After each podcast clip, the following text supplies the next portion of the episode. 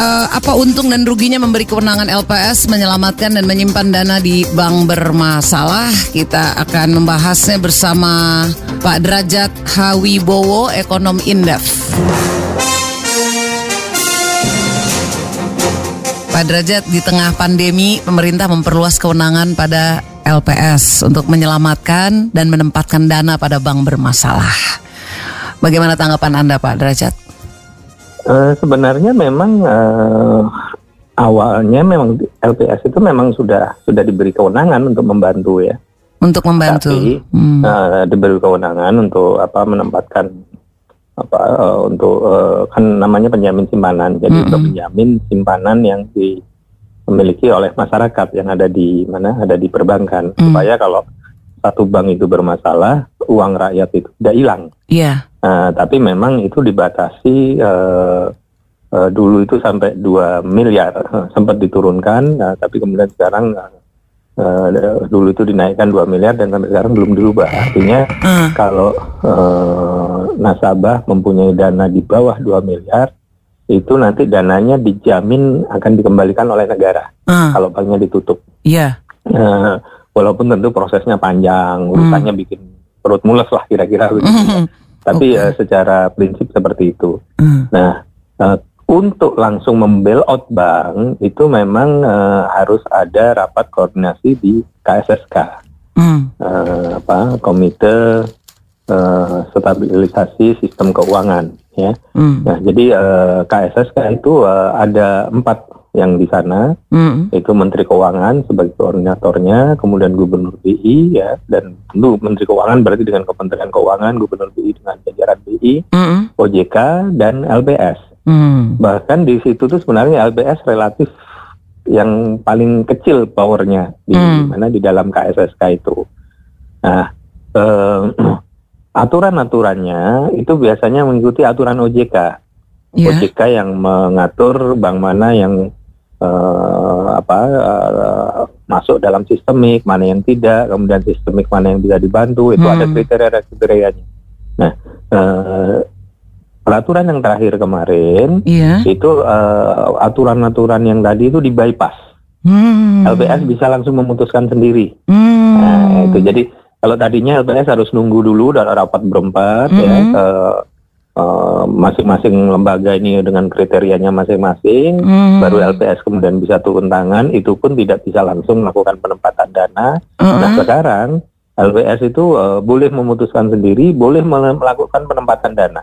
Hmm, nah, jadi memang uh, ini perubahan drastis dan oh. sebenarnya secara hukum itu uh, bisa diperdebatkan karena undang-undang aslinya LPS itu tidak di situ. Hmm. Tapi pemerintah kan memakai undang-undang 2 tahun 2020 yang asalnya dari Perpu 1 tahun 2020. Jadi hmm. Perpu yang kemarin ribut itu yeah. itu jadi undang-undang. Nah, berdasarkan undang-undang itu kemudian pemerintah menurunkan. Jadi hmm. secara legal itu uh, cantolan hukumnya ada buat LPS. Walaupun hmm. ada kontroversial karena ber berbeda dengan undang-undang aslinya LPS. Ya, hmm. secara, jadi secara hukum ada cantolannya buat LPS.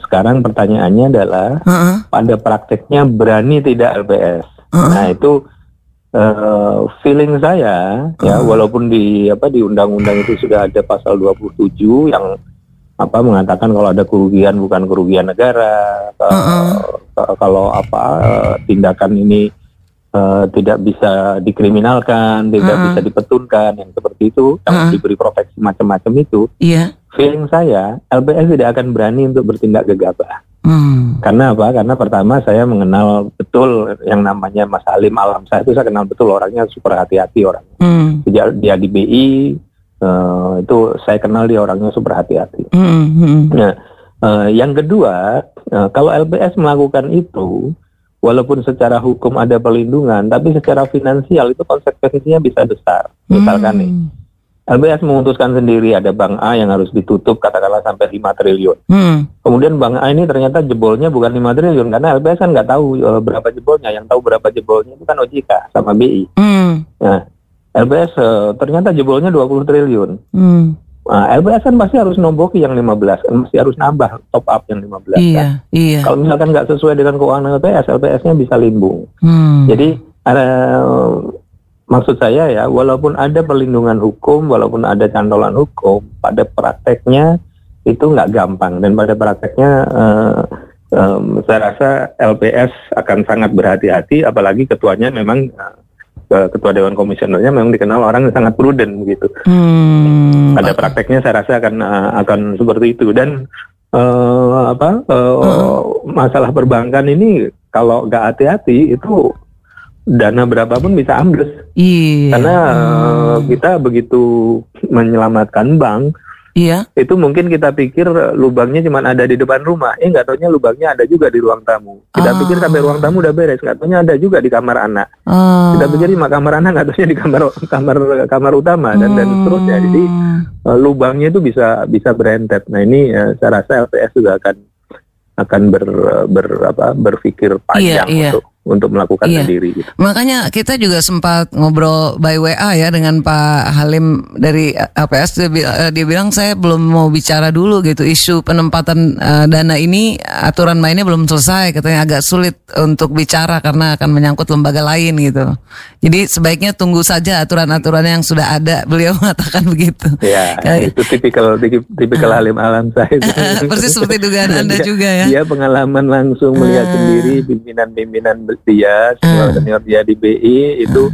niatnya baik untuk melakukan penyelamatan, ujungnya mereka yeah. uh, di penjara begitu karena ya uh. ya selalu ada yeah. saja kalau di uh. dalam masalah perbankan itu selalu ada okay. saja yang. Tapi yang tadi Pak Derajat Anda bilang sebetulnya ini niatannya baik gitu. Tapi uh, jadi apa salah dan ruginya kalau kita diberi kewenangan pada LPSD untuk menyelamatkan dan menyimpan dana di bank bermasalah? Uh, salahnya karena sistem jadi nggak jalan. Sistem jadi nggak jalan. Sistem jadi nggak uh. jalan. Kan seharusnya sistemnya itu ada di KSSK. KSSK itu udah diberi semua perlindungan. Jadi ada konsekuensi nah, resiko ya. Hmm. Ya ternyata kemudian sistem itu uh, oleh uh, pemerintah dalam hal ini uh, presiden yang menaikkan ya, walaupun mungkin presiden um, mendapatkan masukan dari hmm. dari um, Kementerian Keuangan dan sebagainya. Hmm. Um, memutuskan untuk membypass sistem itu gitu loh. Hmm. Nah, uh, kenapa membypass sistem itu artinya uh, mungkin ada masalah yang lebih besar yang ada hmm. di perbankan ya. Saya nggak bisa bicara terlalu terbuka lah kalau urusan ini karena bisa yeah, iya. menimbulkan kepanikan ya. Betul, betul. Tapi kalau pemerintah sudah membypass itu berarti ada masalah urgent gitu kan. Iya.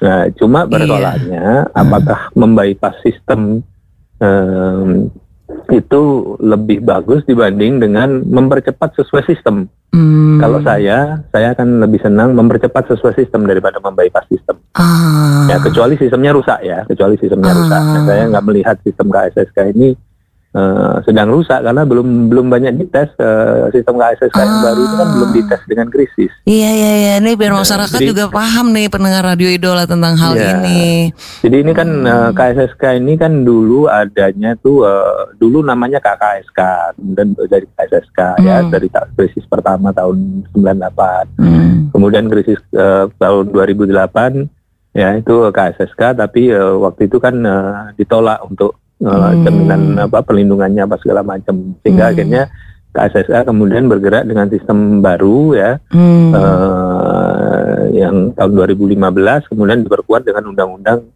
uh, tahun 2020. Iya, nah, iya, sistem iya, baru iya. ini belum dites, itu oleh pemerintah langsung, di, langsung dipotong gitu. Iya, iya benar banget, benar banget.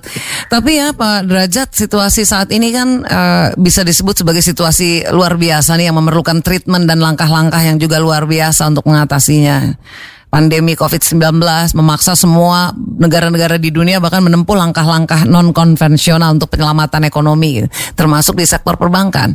Jadi bagaimana Pak Derajat Wibowo Anda menanggapi kondisi khusus ini yang uh, menjadi konsideran munculnya kebijakan? Ya, memang kita kondisi kita itu sedang sangat berat, bukan bukan apa, bukan hanya berat ya, amat sangat berat sebenarnya. Um, uh, likuiditas itu mengering, ya, uh, perbankan jelas kena imbasnya dan banyak sektor yang tadinya bagus uh, itu ambles uh, dan mereka sebagian pakai kredit bank kan, otomatis uh, efeknya kan mereka nggak bisa bayar kredit. Iya. Ya, salah satu perusahaan besar, sangat besar di Indonesia, saya nggak usah sebutkan lah ya. uh. amat sangat besar dan sangat terkenal lah. Semua orang tahu lah. Uh.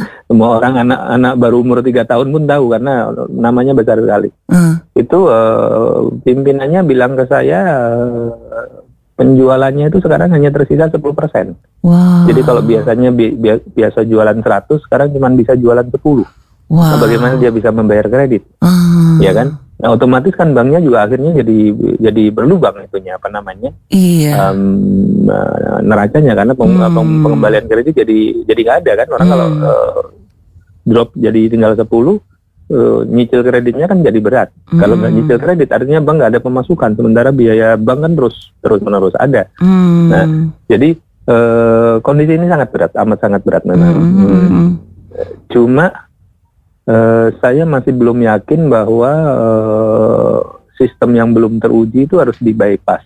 Mm. Um, karena saya masih meyakini bahwa masalah utamanya itu ada di likuiditas, mm. likuiditas negara maupun yeah. likuiditas swasta. Uh, uh, uh, uh. Jadi saya lebih meyakini uh, bahwa sebaiknya negara itu betul-betul uh, mengupayakan supaya likuiditas ini ada. Uh. Supaya likuiditas ini ada dan itu bukan hanya dengan hutang gitu loh. Uh-huh. Nah kalau uh, kalau likuiditas ini ada um, mau sistemnya apa pun juga itu kalau duitnya ada kan enak. Kan? Kita ini jadi sekarang ibaratnya kalau di RT uh. kita bikin aturan macam-macam tapi duitnya nggak ada. Iya juga ya. Uh, Jadi rapat RT dari apa dari uh, dari Sabtu sampai Sabtu lagi dari dari subuh sampai subuh lagi ya ujung-ujungnya cuma uh. ngomong doang karena nggak ada ada. Nggak ada jalan tengah ya, di tengah situasi seperti ini Pak Derajat. Ya solusinya harus harus itu harus menggenjot uh, sumber-sumber likuiditas bagi negara. Sumber-sumber likuiditas. Hmm. Solusinya harus itu. Hmm. Nah itu makanya saya sering ber, berkali-kali sering menyampaikan untuk fiskal misalkan maksudnya APBN ya itu perlu beberapa terobosan ini, hmm. ini gitu ya. Uh, solusinya di situ solusi utamanya kalau likuiditasnya ada itu enak kita tetap tetap masalahnya besar ya. Hmm. Tapi paling tidak kan gampangnya itu kalau kita pegang duit itu kan agak tenang mau jalan. Benar. Tapi kalau nggak pegang duit kan mikir juga hmm. mau jalan ya kan. Iya, iya, gampangnya iya. seperti itu supaya apa? Supaya uh, bahasanya mudah dicerna oleh masyarakat. Tapi tetap sekali lagi bypass tadi yang LPS langsung itu Anda nggak menyarankan ya? Menurut Anda nggak bagus ya? Um, Resikonya terlalu besar. Tidak mengatakan tidak boleh, tapi hmm. saya belum melihat urgensinya. Dan oh. saya juga sanksi LPS akan berani melakukan. Kalaupun melakukan mungkin hanya kecil-kecil. Jadi situasi seperti ini pun belum urgent untuk melakukan itu? Oh sudah urgent, tapi dia kan harus ngitung juga kekuatan keuangan dia. Oh, okay. sudah urgent, sangat urgent. Sangat Tapi urgent. Uh, LPS kan hmm. harus ngitung dan jangan lupa hmm. kalau LPS kekurangan dana hmm. itu uh, undang-undang uh, memberikan dia beberapa cara. Hmm. Cara pertama itu adalah minjem ke BI. Hmm. Cara kedua minjem ke Kementerian Keuangan. Hmm. Cara ketiga menerbitkan surat utang sendiri, hmm. ya kan? Itu uh, itu yang bisa dilakukan oleh LPS. Nah sekarang kalau dia misalkan sudah terlanjur jalan sendiri nih, uh. uangnya udah banyak kepake, uh. uangnya kurang. Nah dia harus minjem ke BI kan, uh. BI kan bisa bilang enggak, enggak dong, enak aja mau minjem. Hmm. Anda kan bikin keputusan ini enggak enggak konsultasi sama hmm. kita, karena kan sudah diberi kewenangan kan jalan sendiri kan, oh. boleh jalan sendiri. Anda kan enggak konsultasi sama saya, uh. Uh, ya masa saya mau pinjemin? Okay. Atau katakanlah sudah konsultasi, uh. Ya kita sudah konsultasi, tapi saya kan sudah dipinjemin oleh oleh Menteri Keuangan. Uh. Menteri Keuangan kan minjem uang itu yang monet, istilahnya monetisasi defisit ya, uh, uh. Uh, surat utang negara, surat uh, apa namanya berharga negara itu dijual tapi dibeli oleh BI.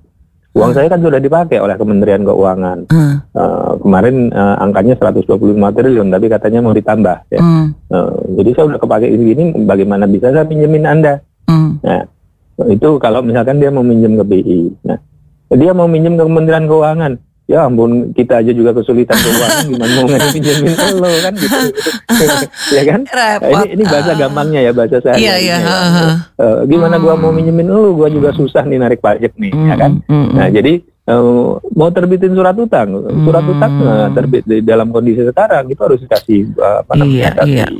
Uh, kupon atau bunga ya tinggi Mm-mm. sekali. Mm-mm. Dan kemudian LPS harus bersaing juga dengan surat utangnya milik Kementerian Keuangan, harus Mm-mm. bersaing juga dengan surat utang swasta. Mm. Eh, kan pusing kan akhirnya kalau misalkan Iya. apa eh, nggak hati-hati gitu. Jadi Wah, begitu em, rupanya yang terjadi ya.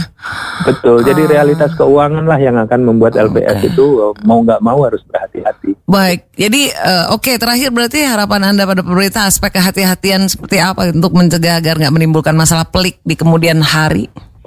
Iya, saya rasa em, nanti hitungan real, hitungan pasar dan hitungan finansial itu yang akan berperan. Hmm. Eh, dan saran saya masih sama, em, mau macam-macam jumpalitan kuncinya di likuiditas.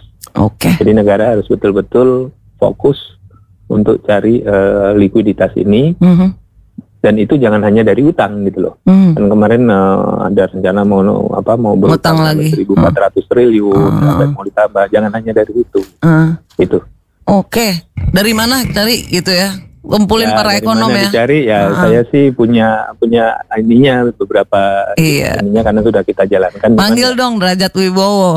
Enggak lah kita nggak mau begitu. Kita kalau untuk kepentingan negara kita akan siap saja. Oh. Tapi ya pemerintah harus sadar bahwa Oke. eh, eh, jangan ya Jangan? jangan jangan merasa yang paling paling bisa paling tahu lah gitu. Alright. Merasa doang padahal juga nggak tahu Iya. ya. Makasih ya Pak Derajat ya. Sampai jumpa lagi Pak. Terima kasih, terima kasih. Iya. Nui, baik. COVID ya. Oke siap. Demikian Mitra Idola Derajat Hawibowo Ekonom Indef.